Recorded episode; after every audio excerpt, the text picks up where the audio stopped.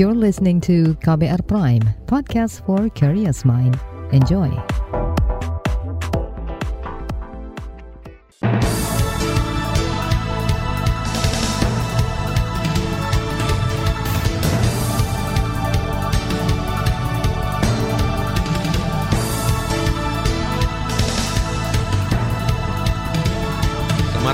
Saudara, senang sekali kami bisa menjumpai Anda melalui program Buletin Pagi KBR edisi Rabu 28 September 2022 bersama saya Roni Sitanggang.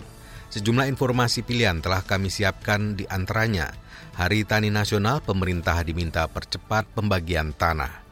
PLN batalkan program kompor listrik. Mahasiswa pengibar bendera bintang kejora dibebaskan.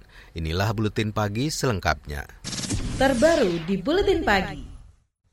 Saudara petani dari berbagai daerah berunjuk rasa menuntut pemerintah merealisasikan janji reforma agraria kemarin. Aksi unjuk rasa itu merupakan bagian dari peringatan Hari Tani Nasional. Dalam aksi itu, ratusan petani menuntut pemerintah menghentikan kriminalisasi saat konflik lahan, mencabut undang-undang yang mempermudah perampasan tanah, termasuk mempercepat distribusi kembali tanah objek reformasi agraria atau TORA. Saat ini redistribusi TORA baru mencapai hampir 1,5 juta hektar atau sekitar 33 persen lebih dari target 4,5 juta hektar hingga 2024. Bahkan di Cilacap, Jawa Tengah belum ada satupun lahan dari 9.000 hektar yang telah diusulkan untuk ditetapkan menjadi tanah objek reforma agraria. Percepatan redistribusi Tora juga pernah disinggung kalangan parlemen saat rapat kerja dengan Kementerian Agraria dan Tata Ruang Badan Pertanahan Nasional ATR BPN awal pekan lalu. DPR saat itu meminta agar Kementerian ATR BPN memberikan data perkembangan reforma agraria termasuk redistribusi Tora ini. Seperti disampaikan anggota Komisi Pertanahan DPR Junimart Girsang tentang reforma agraria karena ini menyangkut anggaran melalui legalisasi aset kan disebutkan seluas 4.140 hektar dan redistribusi tanah seluas 1.478. Tolong Pak datanya nih Pak, kasih ke kami. Biar kami bisa cocokkan. Ya, kita cocokkan karena ini semua tentu tujuan reforma agraria itu program kita semua Pak, bukan hanya program pemerintah dan dalam rangka untuk melegalisasi kepemilikan, penggunaan dan pemanfaatan tanah, tetapi yang paling khusus meningkatkan kesejahteraan rakyat. Anggota komisi yang membidangi pertanahan DPR Junimart Girsang mengakui konflik terkait pertanahan masih terjadi di sejumlah wilayah Indonesia. Sementara itu Kementerian Agraria dan Tata Ruang Badan Pertanahan Nasional mengklaim hanya melakukan percepatan pendaftaran tanah sertifikasi lengkap atau PTSL, penyelesaian sengketa tanah dan sengketa lahan, termasuk mengatasi mafia tanah, serta mengurus lahan dan tanah yang berkaitan dengan ibu kota negara Nusantara. Tidak disebutkan bagaimana percepatan redistribusi tanah objek reforma agraria yang masih jauh dari target itu. Juru bicara Kementerian ATR BPN Hari Prihartono mengklaim pemerintah terus mengencarkan dan mempercepat program prioritas, termasuk menerbitkan sertifikat lahan yang sudah juga uh, cukup menonjol adalah sertifikat-sertifikat yang sudah selesai. Itu ada beberapa yang untuk penyerahannya dilakukan sendiri oleh Bapak Menteri. Itu door to door baik yang ada di Jakarta maupun di beberapa daerah. Dan ada juga yang dilakukan secara paralel. Bapak Menteri menyerahkan di daerah mana kemudian kepala kantor BPN maupun Kanwil menyerahkan di mana itu juga dalam rangka percepatan penyelesaian dan penyerahan sertifikat-sertifikat yang sudah selesai. Juru bicara Kementerian ATR BPNT Hari Prihartono mengakui ada permasalahan terkait lahan yang melibatkan masyarakat dengan pemerintah, masyarakat dengan pusat pengusaha maupun dengan badan hukum dan sebagainya, termasuk adanya mafia tanah. Sementara itu Konsorsium Pembaruan Agraria KPA mengingatkan pemerintah bahwa mewujudkan reforma agraria tidak cukup dengan memberikan sertifikat lahan kepada masyarakat. Sekretaris Jenderal KPA Dewi Kartika menyebut, dari total target reforma agraria seluas 9 juta hektar, 50 persen sertifikasi tanah biasa, bukan hasil redistribusi lahan bekas hak guna usaha maupun HGU yang tumpang tindih nggak pernah Kementerian Agraria Tata Ruang membuka uh, eh, HGU HGU mana sih yang sudah ditertibkan dan diredis ke masyarakat gitu. Tapi kenapa juga uh, klaimnya bagus, uh, positif, tapi kok kita di gerakan rakyat, uh, di petani, di apa di banyak serikat yang mengusulkan lokasi lokasi-lokasi prioritas reforma agraria itu justru nggak kunjung disentuh, sedikit sekali yang disentuh. Kalau kita mau bicara 8 tahun ya terlalu sedikit lah. Sekjen Konsorsium Pembaruan Agraria Dewi Kartika menambahkan, reformasi agraria di bawah Kementerian Lingkungan Hidup dan Kehutanan KLHK juga gagal total karena tidak meredistribusikan tanah yang diklaim sebagai kawasan hutan kepada masyarakat. Selain itu, KLHK juga dianggap memaksa petani mewujudkan reforma agraria dengan skema perhutanan sosial atau kemitraan dengan tetap mengakui kawasan hutan. Artinya, kata Dewi, pemerintah bukan meredistribusi lahan ke masyarakat dengan memenuhi haknya atas lahan tersebut. KPA dan Serikat Petani mendesak MPR mengingatkan Presiden Joko Widodo untuk menggerakkan seluruh pemangku kepentingan guna menyelesaikan konflik agraria yang melibatkan lintas sektoral. Saudara kepolisian limpahkan tersangka pembunuh Brigadir J pekan depan. Informasinya hadir sesaat lagi, tetaplah di Buletin Pagi KBR. You're listening to KBR Pride, podcast for curious mind. Enjoy!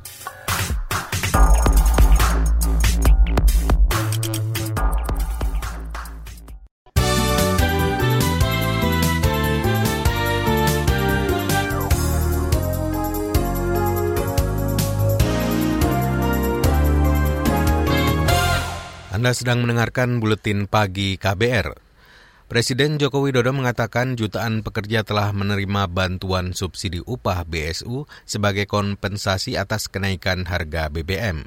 Usai meninjau penyaluran BSU dan BLT BBM di kantor pos Bau-Bau, kemarin Jokowi menyebut penyaluran bantuan itu berjalan baik.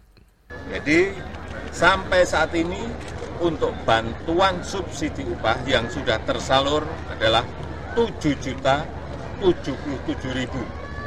Artinya sudah 48,3 persen yang sudah tersalur. Dan ini terus berjalan dengan kecepatan yang saya lihat sangat baik.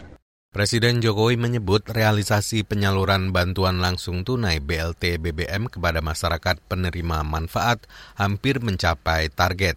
Saat ini realisasinya mencapai 19 juta penerima manfaat, penerima manfaat atau sudah sekitar 95 persen. Kepala negara menargetkan penyaluran BLT rampung akhir tahun. Saudara kepolisian akan melimpahkan tersangka merintangi penyidikan atau obstruction of justice dan pembunuhan berencana terhadap Nofriansah Yosua Huta Barat atau Brigadir J pekan depan. Menurut juru bicara Mabes Polri, Dedi Prasetyo, pelimpahan dilakukan jika berkas perkara tersangka dinyatakan lengkap atau P21 oleh Jaksa Penuntut Umum pada pekan ini. Saat ini Mabes Polri juga tengah memeriksa kesehatan dan psikologi terhadap tersangka pembunuhan Putri Chandrawati. Hasil evaluasi itu nantinya akan menjadi pertimbangan penyidik mengambil langkah selanjutan terhadap istri bekas Kadif Propam Verdi Sambo itu. Saat ini Putri Chandrawati tidak ditahan ke kepolisian meski berstatus sebagai tersangka. Masih soal hukum, Komisi Pemberantasan Korupsi KPK tidak akan menyetop proses penyidikan terhadap Gubernur Papua Lukas NNB. Wakil Ketua KPK Nawawi Pomolango memastikan proses penyidikan tetap berlanjut. Kata dia pembuktian hanya ada di persidangan, bukan saat penyidikan. Tidak ada proses pembuktian di tahap penyidikan. Penyidikan hanya bisa dihentikan dengan tiga alasan. Yang pertama kalau tidak ditemukan cukup bukti yang kedua kalau kemudian para penyidik itu mengklaim bahwa perkara ini bukan perkara pidana. Yang ketiga kalau penyidikan itu dihentikan demi hukum. Misalnya tersangka meninggal dan sebagainya. Kedaluarsa perkaranya. Cuman itu aja. Tidak ada proses penghentian penyidikan dengan melakukan pembuktian seperti ini. Itu tadi Wakil Ketua KPK Nawawi Pomulango. Sebelumnya kuasa hukum Lukas NMB Stefanus Troy Rening menyebut Kliennya memiliki tambang emas di distrik Kamit, Kabupaten Tolikara, Papua, yang saat ini masih dalam proses perizinan. Kata Rening, jika Lukas telah mengantongi izin itu, maka KPK diminta melihat langsung tam tambang emas itu sebagai upaya pembuktian terbalik agar Lukas NNB dibebaskan. Saudara Badan Pengawasan Obat dan Makanan BPOM menegaskan kelangkaan vaksin meningitis tidak ada hubungannya dengan lembaganya. Kepala BPOM Penny Kusumastuti Lukito menjelaskan pemberian izin edar semua jenis vaksin sudah selesai. Untuk vaksin meningitis yang dari Bio Farma sudah memiliki izin edar pada bulan Agustus bahkan kami sudah menerbitkan surat keterangan impor. Berdasarkan SK ini kemudian digunakan Bio Farma untuk mengurus ekspor dari Cina. Berdasarkan komunikasi dengan Bio Farma, mereka tidak siap dengan tingginya permintaan vaksin meningitis sehingga tidak menyiapkan jauh-jauh hari. Nah, yang paling gampang memang mengkambing hitamkan Badan POM. Kepala BPOM Penny Kalukito menduga kelangkaan vaksin terjadi karena ada permasalahan di aspek importasi oleh otoritas di negara asal yang memerlukan koreksi. Badan Siberdana Sandi Negara BSSN mengungkapkan sekitar 1,6 miliar anomali trafik internet di tanah air tahun lalu. Anomali trafik paling banyak adalah serangan malware atau perusak sistem dan jaringan komputer. Deputi 4 BSSN Rinaldi mengingatkan semua pihak selalu tanggap dan sigap menghadapi perang siber. Berdasarkan hasil monitoring traffic internet di ruang siber Indonesia oleh BSSN, tercatat lebih dari 1,6 miliar anomali traffic atau serangan dalam kurun waktu Januari hingga Desember 2021. Dengan kategori anomali terbanyak yaitu malware, Trojan activity, dan information gathering atau dikenal juga dengan pengumpulan informasi untuk mengetahui celah keamanan. Deputi 4 BSSN Rinaldi menjelaskan anomali trafik internet ibarat orang yang berlalu lalang di depan rumah dalam jumlah banyak. Rinaldi menyebut kepentingan orang-orang itu pun bermacam-macam, mulai dari mengirim virus, merusak sistem hingga mencari celah untuk mencuri data pribadi. Kita ke informasi ekonomi. PT PLN membatalkan program pengalihan kompor LPG 3 kg ke kompor listrik. Direktur Utama PLN Darmawan Prasojo menyebut pembatalan dilakukan guna menjaga kenyamanan masyarakat saat pemulihan ekonomi pasca pandemi COVID-19. PLN juga memastikan tarif listrik tidak naik karena penetapan telah diputuskan pemerintah melalui Kementerian SDM. PLN juga memastikan tidak ada penghapusan golongan pelanggan dengan daya 450 volt ampere. Daya listrik 450 volt ampere juga tidak akan dialihkan menjadi 900 volt ampere sehingga tarifnya tetap sama untuk masing-masing golongan. Kita beralih ke berita mancanegara. Ribuan orang di Jepang menggelar demonstrasi memprotes pemakaman kenegaraan bekas Perdana Menteri, Menteri Jepang Shinzo Abe di Tokyo kemarin. Pemrotes menilai pemakaman kenegaraan merupakan pemborosan di tengah krisis dunia yang juga dialami Jepang. Pemrotes mengatakan pemerintah menghambur-hamburkan anggaran negara dan tak sensitif kesulitan rakyat di tengah krisis dengan pemakaman itu. Dikutip dari CNN, beberapa orang meneriakkan slogan dan melambaikan spanduk, mendesak penghentian proses di dekat tempat pemakaman.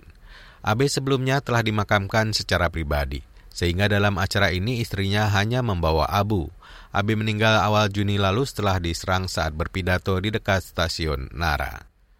Kantor HAM PBB melaporkan invasi Rusia ke Ukraina menyebabkan situasi HAM yang mengerikan dan menyebabkan berbagai pelanggaran HAM. Kantor Komisaris Tinggi HAM OHCR menyebut konflik bersenjata menyebabkan pelanggaran HAM di kedua belah pihak mempengaruhi warga sipil dan kombatan. OHCHR dikutip dari Reuters juga mengaku prihatin tentang resiko pertempuran di dekat atau di pembangkit listrik tenaga nuklir. OHCHR juga menyuruhkan segera dilakukan demilitarisasi pembangkit listrik tenaga nuklir yang saat ini diduduki pasukan Rusia. Beralih ke berita olahraga. Timnas Indonesia mengalahkan Kurakau 2-1 pada laga kedua FIFA Matchday di Stadion Pekansari Bogor malam kemarin. Setelah menang 3-2 di laga pertama yang berlangsung di Bandung, Jawa Barat, Indonesia tampil ngotot mengincar kemenangan kedua. Gol dari tim Indonesia diciptakan oleh Dimas Derajat dan Dendi Sulistiawan. Sementara gol tim Kurakau dicetak oleh Jeremy Cornelis. Laga Indonesia Kurakau juga berlangsung panas. Pemain sayap Kurakau Juninho Bokuna bahkan diganjar kartu merah karena melanggar Marcelino Ferdinand dan menendang bola ke arah supporter. Saudara di bagian berikutnya akan kami hadirkan laporan khas KBR tentang hari tani. Petani masih sulit mendapat pupuk subsidi. Simak usai jeda, tetaplah di Buletin Pagi KBR. You're listening to KBR Pride, podcast for curious mind. Enjoy!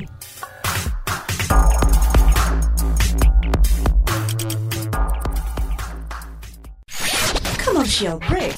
Commercial break. Warga negara Indonesia yang pernah bergabung dengan ISIS ada yang menyatakan ingin kembali atau balik ke Indonesia. Ada beberapa wartawan juga yang mempertanyakan sebetulnya kepulangan mereka itu ada payung hukumnya. Berbagai peristiwa terjadi di sekitar kita, mengundang tanya, memancing ruang-ruang diskusi. Ruang Publik membahas berbagai peristiwa yang hangat diperbincangkan publik, menghadirkan narasumber kompeten, membuka perspektif, dan mendorong hadirnya solusi dan narasi baru. Kalau ada keluarga kita yang punya urusan dengan aparat seperti jual beli mobil, lalu terjadi seperti pemaksaan, itu bisa dilaporkan ke polisi juga nggak ya? Ruang Publik KBR hadir Senin hingga Jumat pukul 9 waktu Indonesia Barat. Perbincangan ini juga hadir dalam bentuk podcast di kbrprime.id. Mari berdiskusi di ruang publik melalui saluran bebas pulsa 0800 140 3131. Ruang Publik KBR, salurkan aspirasi Anda. KBR, inspiratif, terpercaya.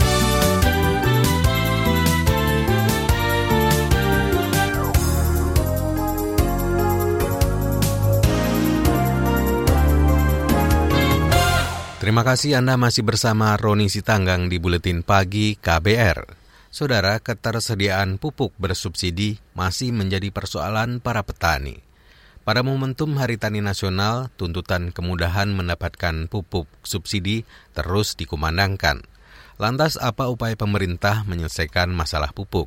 Berikut laporan khas KPR disusun jurnalis Heru Haitami.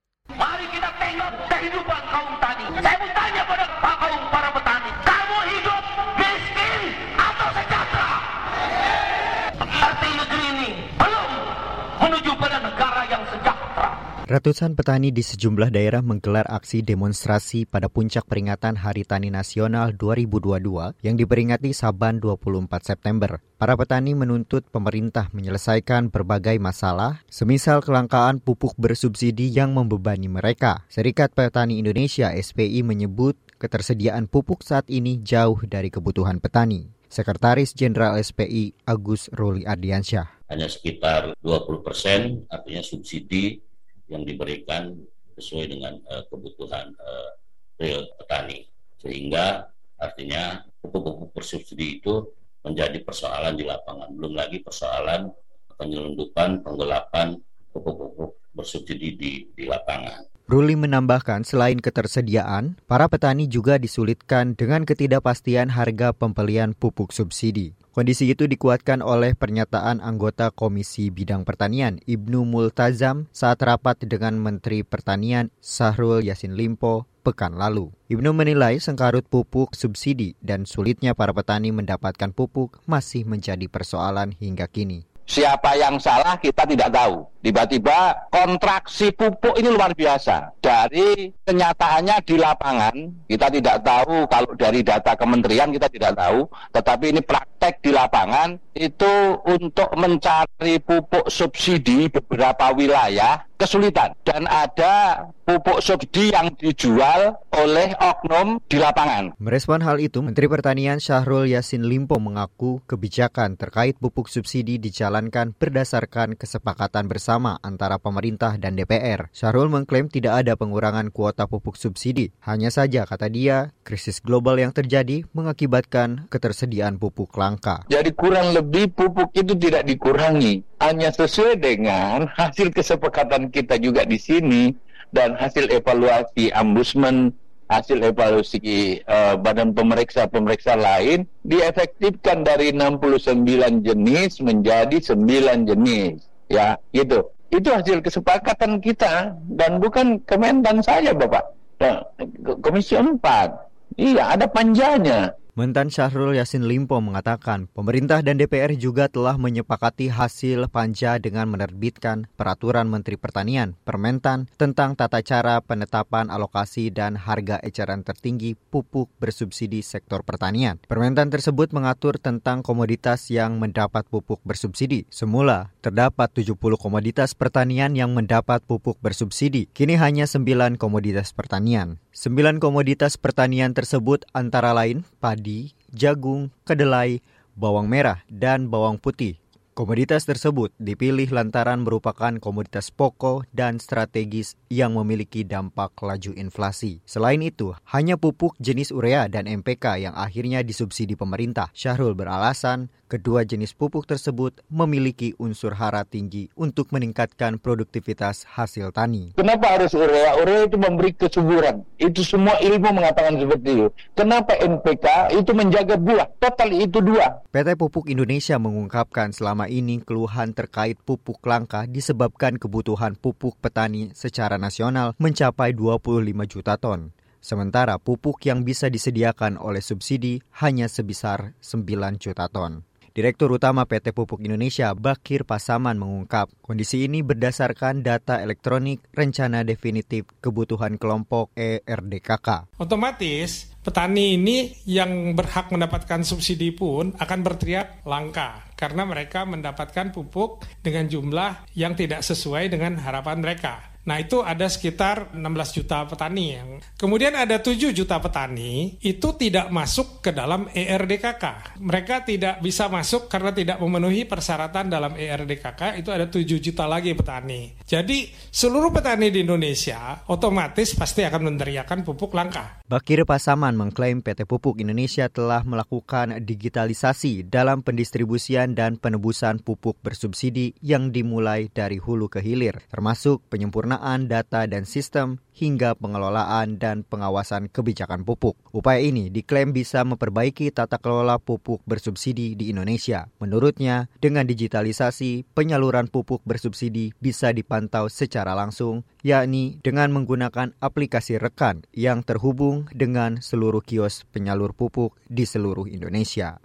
Laporan ini disusun dan dibacakan Heru Haitami. Saudara informasi dari berbagai daerah kami hadirkan usai jeda berikut ini. You're listening to KBR Pride, podcast for curious mind. Enjoy!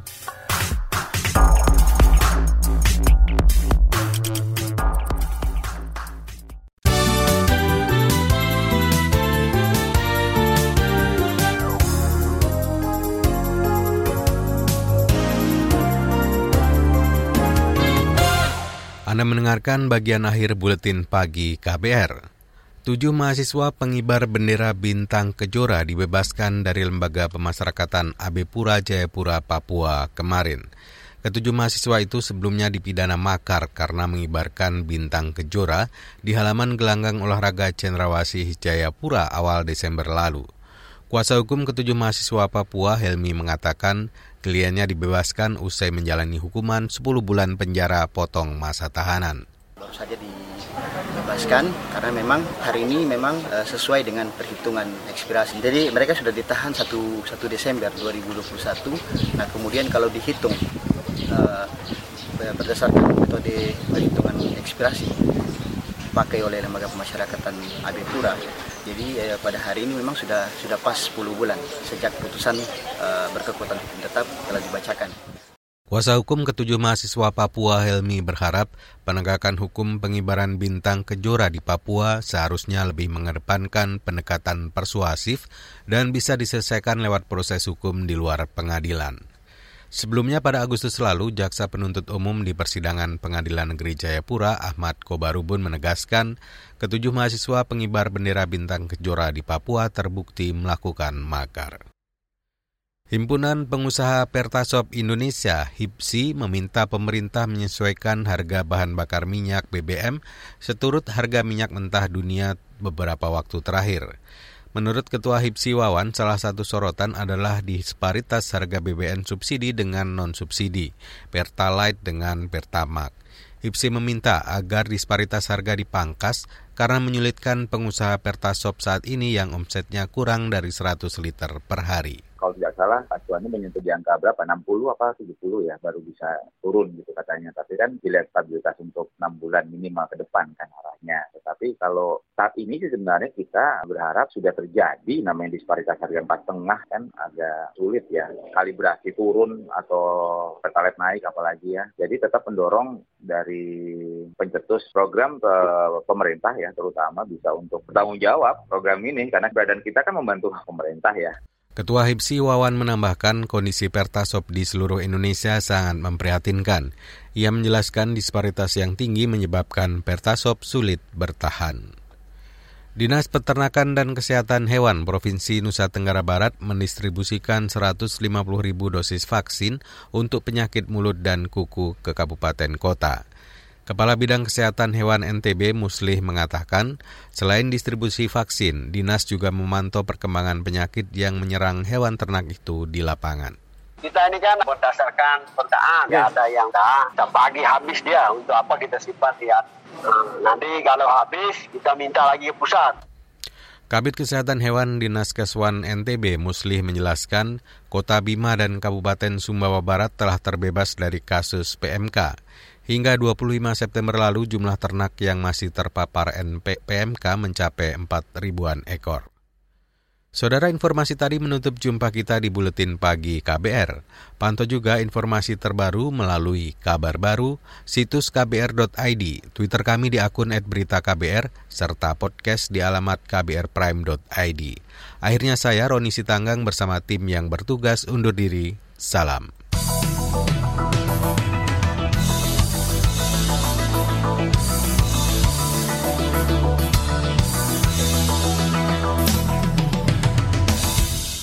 KBR Prime, cara asik mendengar berita. KBR Prime, podcast for curious mind.